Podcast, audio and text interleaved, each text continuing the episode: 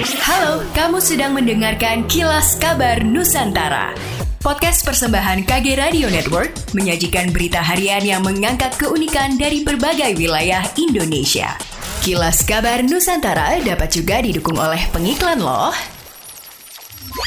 Pemprov Sulsel mengurangi kuota penerima bantuan yuran PBI BPJS Kesehatan gratis untuk tahun ini. Penerimanya kini hanya sebanyak 800 ribuan orang, turun dari tahun lalu sekitar 1,7 juta penduduk. Gubernur Sulsel Andi Sudirman Sulaiman melalui keterangan persnya mengungkapkan menurunnya kuota tersebut dikarenakan terbatasnya anggaran. Karena masih pandemi COVID-19, Pemprov memilih mengalihkan sejumlah anggaran. Di sisi lain, kuota bantuan tersebut disesuaikan dengan data penduduk miskin dari Badan Pusat Statistik BPS. Terkait hal itu, Andi Sudirman mewakili Pemprov Sulsel menyampaikan permohonan maaf kepada masyarakat. Ia pun berjanji akan kembali menganggarkan bantuan BPJS Kesehatan gratis pada APBD perubahan mendatang. Namun sebelumnya pihaknya bakal membenahi data. Hal itu diperlukan agar penerima bantuan BPJS Kesehatan tepat sasaran. Rasain nih panasnya rokok gue. Mm.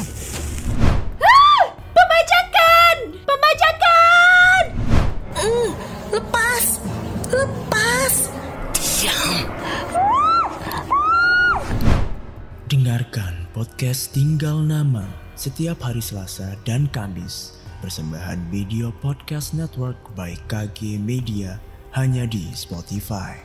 Saat semuanya sudah terlambat.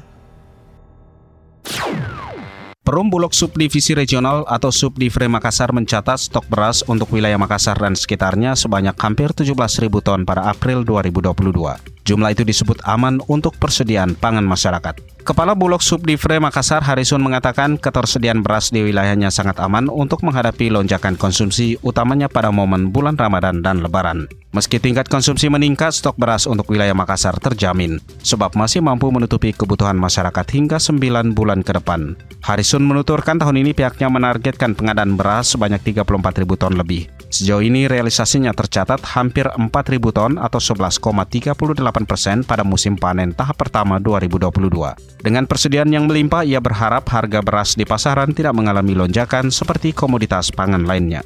Sebanyak 13 anggrek endemik Semeru diserahkan Taman Nasional Bromo Tengger Semeru TNBTS kepada Institut Teknologi 10 November ITS Surabaya sebagai bentuk dukungan program Smart Eco Campus sekaligus pengembangan ilmu dan teknologi yang berwawasan lingkungan. 13 jenis anggrek ini merupakan hasil dari tanaman anggrek di Resort Ranu Darungan, Desa Pronojiwo, Lumajang, Jawa Timur yang telah melalui proses kajian ekologi dan sosial. Di antaranya adalah anggrek jenis Arundina graminifolia dan Acryopsis lilifolia ormerot yang di diperoleh dari hasil pembiakan biji secara in vitro oleh putra daerah. Upaya ini untuk mengubah pola pikir atau mindset masyarakat dan bertransformasi agar dapat berkontribusi lebih terhadap lingkungan hijau sekaligus menunjang riset dan inovasi di ranah ekologi, botani, dan kultur jaringan.